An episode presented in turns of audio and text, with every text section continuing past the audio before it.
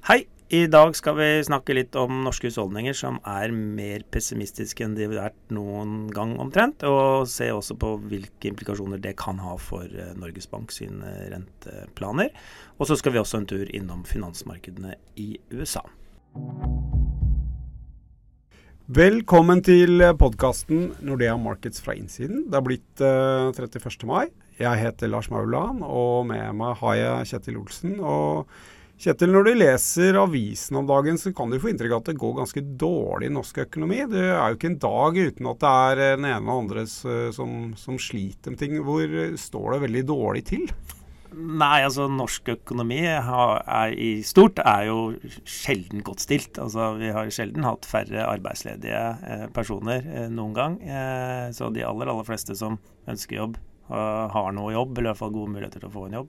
Masse ledige stillinger. Eh, bedriftene er optimistiske. Så det, det står i sterk kontrast da, til liksom, situasjonen og etter min mening også utsiktene for norsk økonomi. Det, det krisebildet som males opp i media. Ja. Men uh, vi fikk jo en sånn forventningsundersøkelse fra Norges Bank her, og, og den nå peker jo nedover.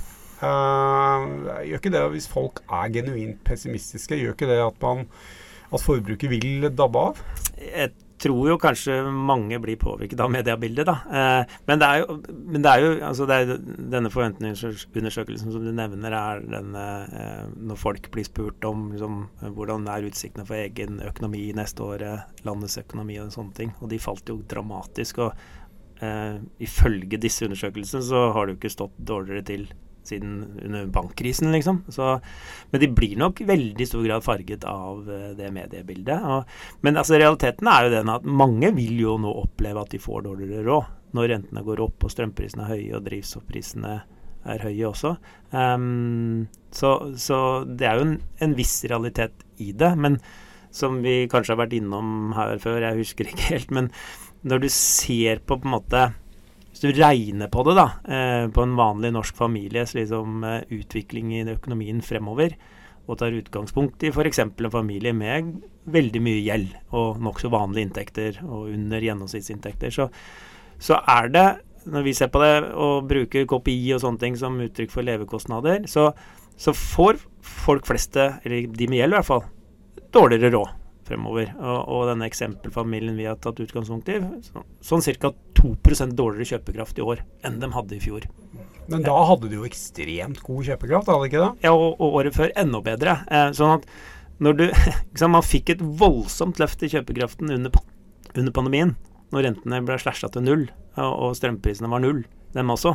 Eh, da vokste inntektene, altså kjøpekraften, for i hvert fall de med gjeld, men folk flest også, dramatisk. Og så har det vært en gradvis forverring i kjøpekraften etter det, og i år så blir det et ekstra stort innhogg i den. Men, men igjen, de aller, aller fleste vil sitte bedre i det nå enn de gjorde før pandemien. Det er bare at på deltaen så går det nedover.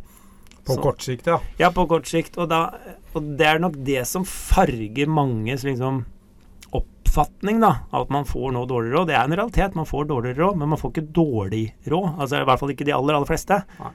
Man har kanskje litt kort hukommelse, eh, sånn sett? Ja, man tenker veldig delta. Og så, så er jo spørsmålet da om altså, så, så, er spørsmålet da Men kan ikke den type uttrykk for pessimisme liksom føre til at veldig mange um, slutter å bruke penger og spare mer og sånn? Det er jo alltid en mulighet uh, for det i og for seg. Men, men ser vi på liksom empirien, på liksom sammenhengen mellom denne type forventningsundersøkelser og utvikling i konsum og landets økonomi og sånn, så er sammenhengen ganske dårlig. og den har veldig lite ledende egenskaper, i hvert fall. Det vi typisk har sett, er at de har falt når det har gått dårlig i økonomien. Sånn at det er en konsekvens av at det går dårlig. Det er veldig sjelden, eller så å si aldri, at den faller i en situasjon hvor det er veldig gode tider i økonomien. Eh, kanskje én gang før, og da, da kom den forventningsundersøkelsen tilbake igjen ganske raskt igjen. Så, så jeg, i hvert fall empirien er ikke, Du har ikke noen klare holdepunkter i empirien for at dette vil lede til mye dårligere tider, i hvert fall. Eh, og realiteten i økonomien er ganske god, selv om mange får dårligere råd. Så vil liksom i makrobildet norske husholdninger få bedre råd fordi så mange flere kommer i arbeid. Og sparingen er på vei ned fra skyhøye nivåer, fordi nå får vi lov til å bruke penger. Og, så vi holder steinhardt på et syn om at norsk forbruk i stort kommer til å vokse mye fremover. Selv om mange opplever å få litt dårligere råd på marginen fra sammenligna med sånn som situasjonen var i fjor og året før. Mm. Hvordan tror du Norges Bank blir påvirket av en sånn undersøkelse? De har uttrykt at de er litt usikre på virkningen av rentehevingen, og som folk har litt mer gjeld enn forrige gang de hever renta. Ja, og det har vært mantraet dem, at de ønsker å gå gradvis fram fordi de er usikre på virkningene, og det er mye usikkerhet rundt forbi i verden også. Så, så eh, mange andre ting som vi observerer, altså kronekurs som er svakere, renter ute som kommer opp og sånn, trekker jo egentlig retning av et løft i rentebanen fremover. Ytterligere løft i rentebanen. Um, men jeg tror nok og markedet priser også inn flere renteøkninger enn det Norges Bank eh, har signalisert. Men jeg tror så, så, sånn sett så tror jeg at denne type forventningsundersøkelser, som jeg ikke tror kommer til å lede til veldig mye dårligere utvikling i konsumet, men vi får nå se. Men det kan bidra til at Norges Bank Det bidrar i hvert fall ikke til at Norges Bank begynner mer sikre på virkningen av eh, høyere renter. Så om noe så bidrar det til at Norges Bank fortsetter i den gradvise takten, selv om på en måte mange ting tilsier at de egentlig skulle gått fortere fram, og markedet forventer at de skal gå fortere fram. Så så vår vurdering er vel fortsatt at Norges Bank kommer til å fortsette å øke renten med en kvarting i kvartalet.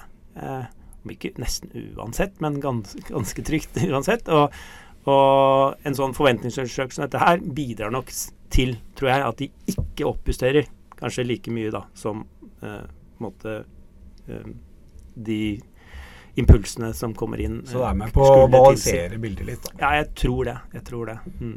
Så ja. Men eh, vi, vi, det er norske forhold og, og norske forventninger som, som, har falt, og, og konsekven, mulige konsekvenser av det.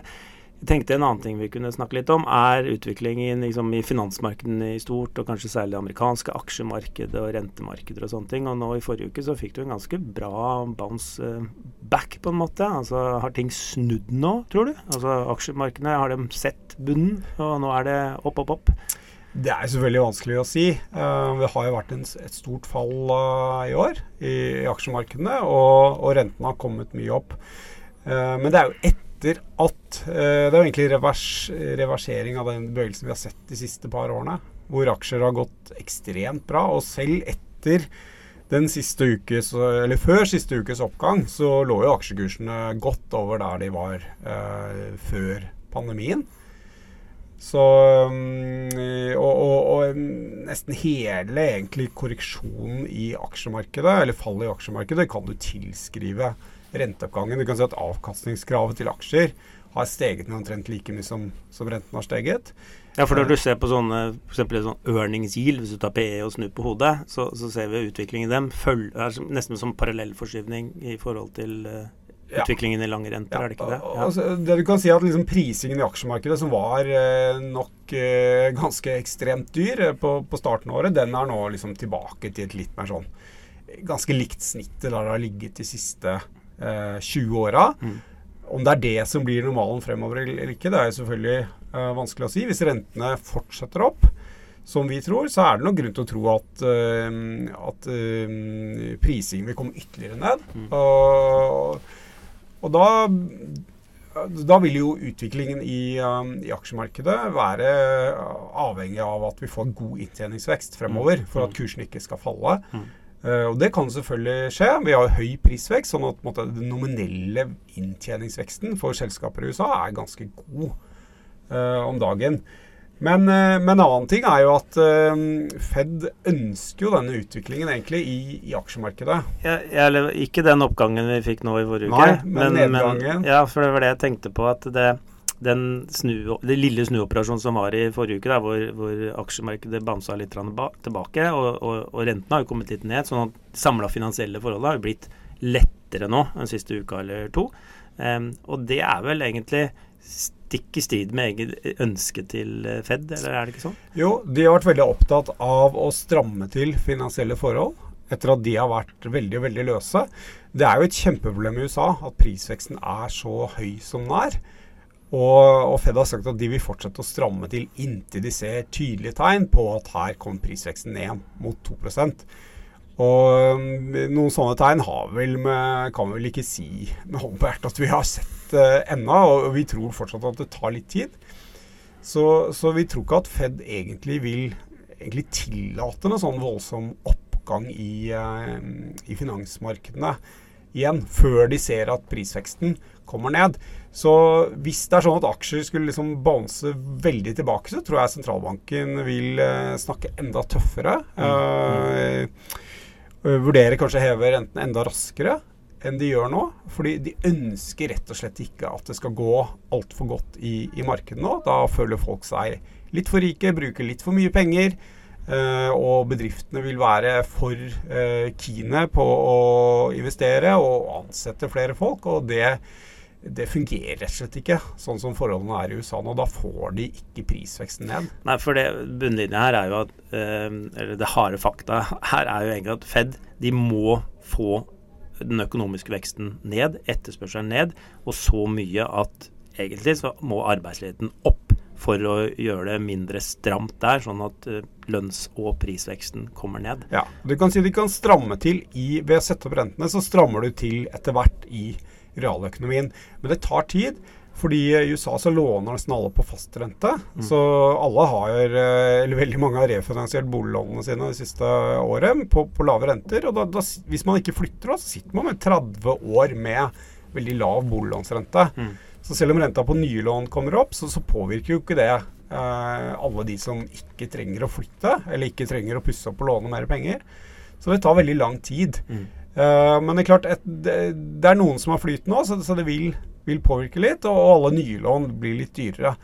Så du kan si at vi, hvis aksjemarkedet um, ikke uh, svekker seg, så må på en måte rentene enda lenger opp enn de mm. enn, eh, enn de ville vært måtte gått ellers, da, for å få den nok innstramming på økonomien. Mm. Sånn at etterspørselen faller så mye at ledigheten stiger litt, uh, og, og, prisveksten kommer ned. Veldig lang uh, argumentasjonsrekke her. Mm, mm. Og, og, vår vurdering er vel at den tilstrammingen vi tross alt har hatt i finansielle forhold, den er ikke antageligvis ikke nok til å oppnå det Fed Nei, ønsker. Hvis vi, hvis vi, sammenligner litt med, med, hvordan disse forholdene har vært tidligere perioder, da, hvor, hvor veksten har kommet litt ned, så, så så ser det fortsatt litt stimulativt ut. Mm. Uh, selv før den oppgangen vi hadde forrige uke. Så mm. vi tror det må litt mer til. og da, Derfor venter vi også at uh, den amerikanske sentralbanken kommer til å være haukete og kommer til å mm. ville stramme til og sende signaler om ytterligere mm. innstramming mm. fremover.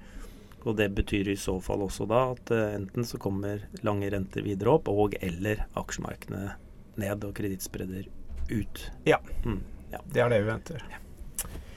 Eh, da, det var alt vi hadde um, i dag. Uh, du har hørt på podkasten Nordea Markets fra innsiden. Uh, jeg heter Lars Mauland. Med meg har jeg hatt Kjetil Olsen. Takk for i dag.